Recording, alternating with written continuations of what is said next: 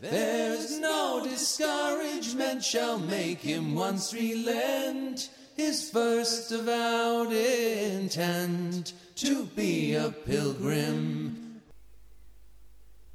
Oké, David, welkom in de podcast. Jij bent de eerste in onze serie die helemaal de Camino nog niet gelopen heeft. Dankjewel, ik ben Ja. zeer vereerd. Maar je hebt mij een vertaling gestuurd van het pelgrimslied waar deze podcast mee begint en eindigt. ja, Nou, toen was ik natuurlijk ook zeer vereerd. Dus de vraag is, ja, waarom eigenlijk? Waarom wou je dat lied zo graag vertalen? Eh, nou, ik ben een eh, eh, enthousiaste luisteraar van je podcast. En ik heb veel afleveringen gehoord. En dat het begint en eindigt inderdaad steeds met dat lied. Ja. Dat wekte mijn interesse, want je speelt op zijn hoogst anderhalve couplet af. En het- ik ging dus op zoek naar de rest. Mhm. Dat bleken er drie te zijn. En nou ja, ging ik een beetje zoeken. Toen bleek dat er eigenlijk twee versies bestaan. Eentje eh, met tekst van John Bunyan, die eh, de zanger in jouw podcast zingt. En Ja. een ehm, soort van hertaling in het Engels uit 1906, die in de English Hymnal staat. En die eh, heel veel wordt gezongen, blijkt, in de, in de Anglikaanse kerk. Nou, Dus- sterker nog, op Engelse scholen zingen alle kinderen elke ochtend dat hele lied. Oh, echt waar? Oh, dat wist dus ik toch niet. iedereen kent het. Ja, precies. Nou, als je gaat zoeken op internet naar reacties van eh, Britse eh, mensen eh, op dit lied, dan, eh, dan krijg je hele enthousiaste reacties. En ook van allerlei mensen die volgens mij nog nooit een Camino hebben gelopen. En wat voor Ehm, reacties zijn dat dan? Cornerstone of My Belief, Ja, ja. nou ja, dat soort hele enthousiaste teksten. Ja. Ehm, dus, nou, en toen dacht ik, oké, dit moet ik uit mijn hoofd gaan leren. Dus dat heb ik gauw gedaan. En ehm, vervolgens, eh, ik wandel wel veel. Ik heb eh, nog nooit de Camino gelopen, maar ik wandel veel. En ik had dat lied uit mijn hoofd geleerd. En af en toe dan ging ik dat zingen tijdens het lopen. Als ik, eh, zeker In het wist dat er- Engels dus. in het Engels, als ik zeker wist dat er niemand in de buurt was. Nou ja, ik hou van taal. Ik vond het een mooi lied, dus ik dacht, zou er een Nederlandse vertaling van zijn? En daar ben ik naar op zoek gegaan. Ik kon weinig vinden. Eén vertaling vond ik uit het eind 19e eeuw. Die zit in dat, eh, dit boek dat nu als eh, basis dient voor de microfoon. Ja. Ehm, dus dat kan ik niet nakijken, maar dat was compleet, ehm, ja, hoe zeg je dat? Ehm, nou, niet, ja, vernacheld klinkt het eh, oneerbiedig, want het is vertaald door eh, Adema Scheltema. Dat was een eh, predikant uit die tijd, een, een, eh, een orthodox-christelijke predikant. Maar het, het is onherkenbaar vooral. Het zijn twee coupletten en eh, een heleboel dingen zijn eruit gehaald en de andere zijn veranderd. Heel ander lied geworden Een eigenlijk. heel ander lied geworden. Dus ik dacht, ik wil een eh, vertaling maken eh, in het Nederlands die ook zingbaar is op dezelfde wijze als die in jouw podcast te luisteren is. Nou, dat heb ik gedaan en daar was ik enthousiast over en ik dacht, ik ga dat naar Johanna opsturen. Nou, inderdaad. En ik las het en ik zag meteen, je kan hem inderdaad meezingen. Hij klopt op de, hij is zingbaar, hij zit in Ja. hetzelfde ritme. Ja, dat eh, Ja. klopt. Dat eh, heb ik eh, ja, zo gedaan, want dat is natuurlijk het doel.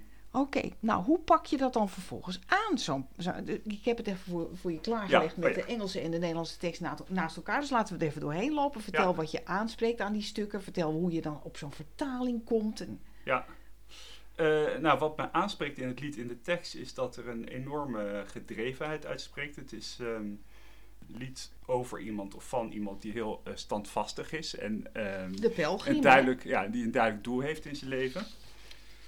Dat, is, ja, dat trekt me aan. Ik heb eh, vervolgens natuurlijk gekeken naar hoe je dat het beste in het Nederlands weer kan geven. Als je kijkt naar de Engelse tekst, dan zie je dat de meeste woorden één of twee lettergrepen hebben. Ja. Er zijn maar eh, eh, twee uitzonderingen, dat is discouragement en hapkaplin.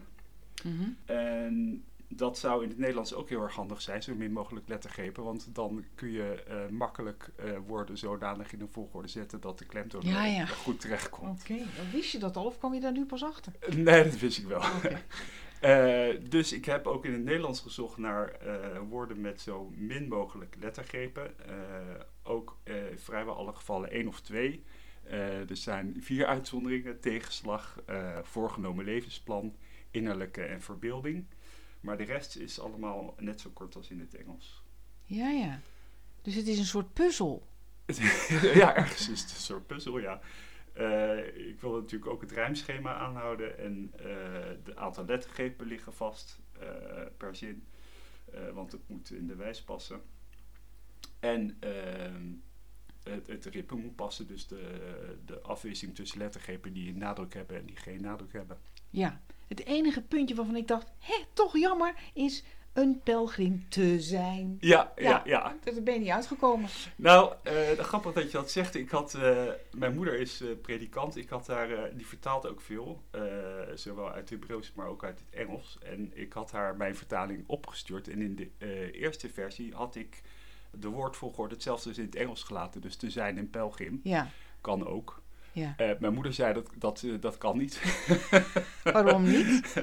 Eh, dat, dat, zo zeg je dat in het Nederlands niet. En je kan het prima omdraaien.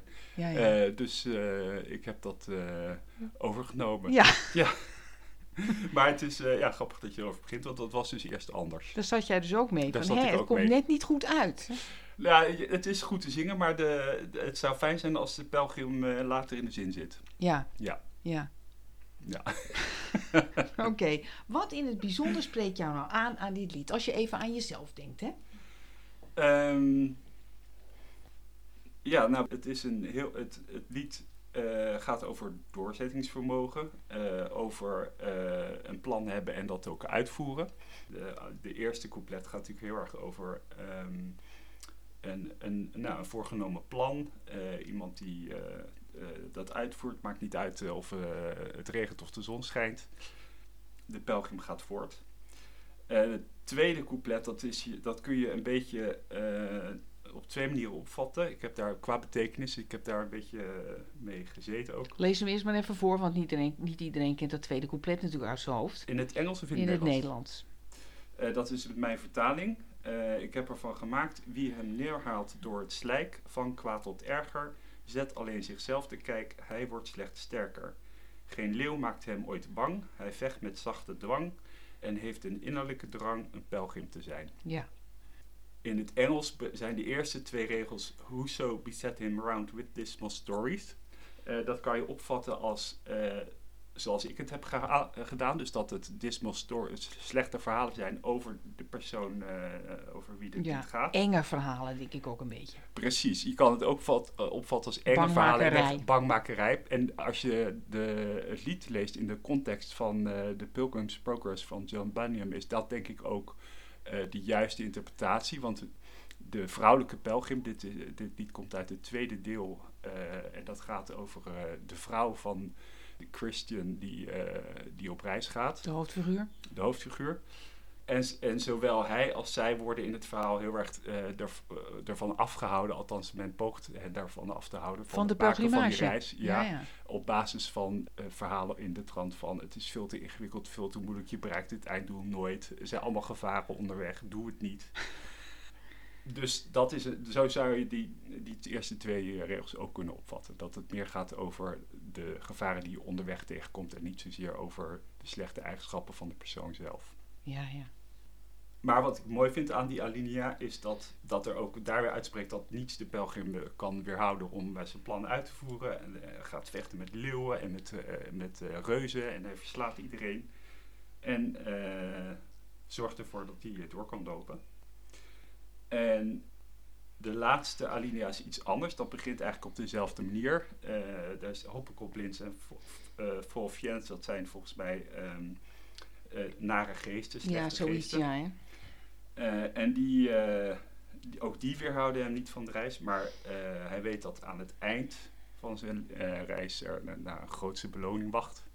Ehm, en eh fancies, Then Fancies Fly Away, dat is ook een, eh, ja, lastig te vertalen vond ik. Ik heb ervan gemaakt, verbeelding is zijn kracht. Omdat ik dat mooi vond. Maar eh, ook daar denk ik dat je wel iets anders zou kunnen doen. Volgens mij, in het Engels heb je flight of fancy. Dat, dat, eh, Ja, volgens mij als, betekent eh, het dat allerlei- fantasie. Allerlei angsten misschien zomaar wegfladderen. Precies, zoiets. Ja. Ehm, maar goed, dat, daar heb ik dus ook iets meer eh, vrijheid genomen om dat te doen. Maar met de vertaling van eh, die predikant uit de 19e eeuw in mijn achterhoofd dacht ik... eh, die- ik zit nog steeds behoorlijk dicht bij het origineel. Dus dat moet kunnen. En ja, dat eindigt weer op dezelfde manier als de eerste twee alinea's. Of als de eerste twee coupletten. Ja, en nou staat dus ook drie keer in aan het eind van elk couplet, hè, waar waar het die man om gaat, is Ja. to be a pilgrim. Ja, Wat is dat volgens jou, to be a pilgrim? Ehm, nou, ik ben dus nog nooit in Pelgrim geweest, dus Nee. ik moet dat nog Maar wat denk je gaan ondervinden. Eh, nou ja, als je het boek van eh, John Bunyan leest, dan is dit natuurlijk heel erg duidelijk, en dat ligt ook heel erg voor de hand, dat de, de, de, de reis die de pelgrim maakt een allegorie is voor de, eh, de levensreis die een ieder maakt van de geboorte tot de dood. En ja, dat maakt een, een pelgrimsreis meer dan gewoon een wandeling van A naar B.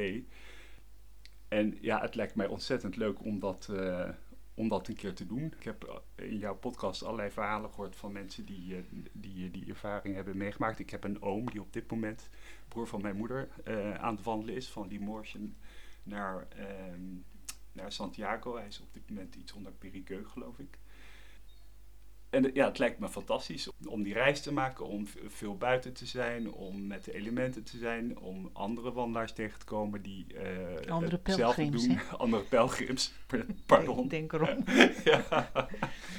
Eh, en om aan te komen, ik heb ook wel eens iemand eh, met de auto opgehaald die dat op de fiets heeft gedaan. Toen ben ik in Santiago geweest en eh, ook de- toen ben ik in die kerk geweest. Ik was met de auto aangekomen, dus dat is totaal waarschijnlijk niet eh, te vergelijken met als je daar op Nee. te voet aankomt. Maar ik, ik ken die kerk dus, want ik, wij zijn samen die kerk in geweest.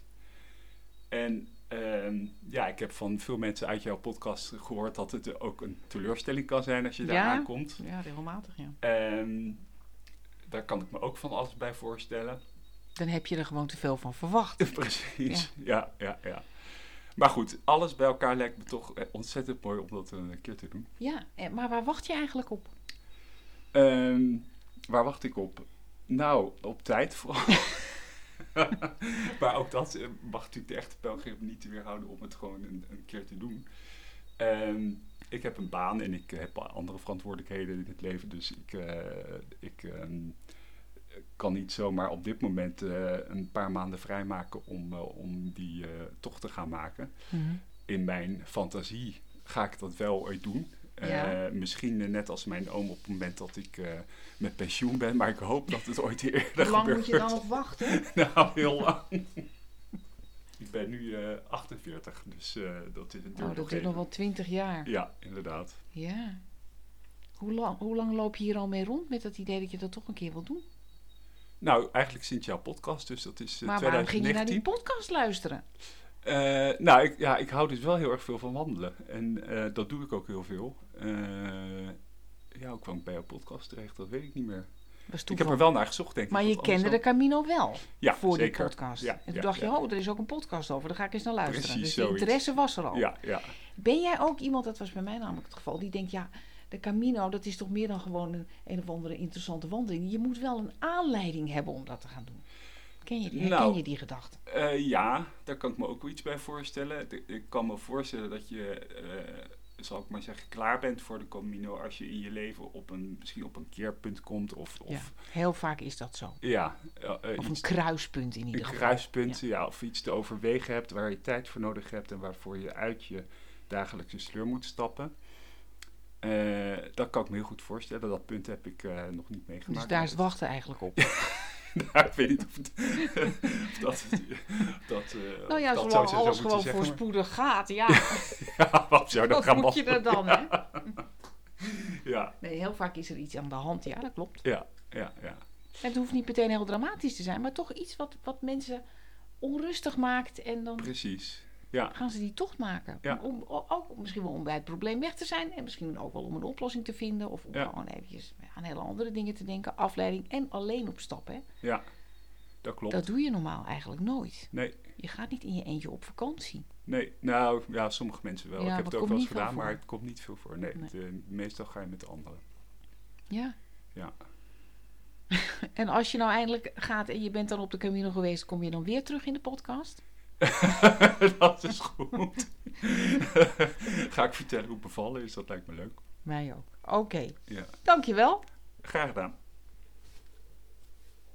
Who would true valor see? Let him come hither. One here will constant be, come wind, come weather.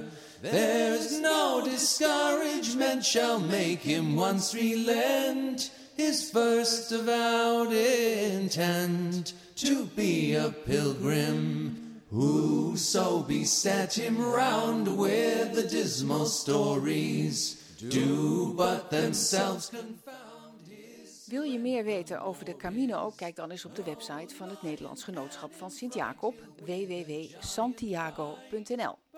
Suggesties voor deze podcast kun je mailen naar mij, post.johannakroon.nl. En als je deze podcast interessant vindt voor je vrienden, zou je er dan op Facebook een berichtje aan willen wijden. Het lied dat je hoort is een Engels pelgrimslied uit 1684, getiteld Who Would True Valor See, gezongen door Alistair Thompson op zijn CD Log Rise Revisited. Tot de volgende keer.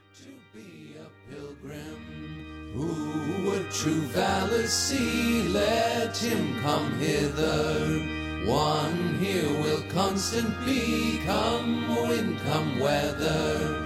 There's no discouragement shall make him once relent his first avowed intent to be a pilgrim.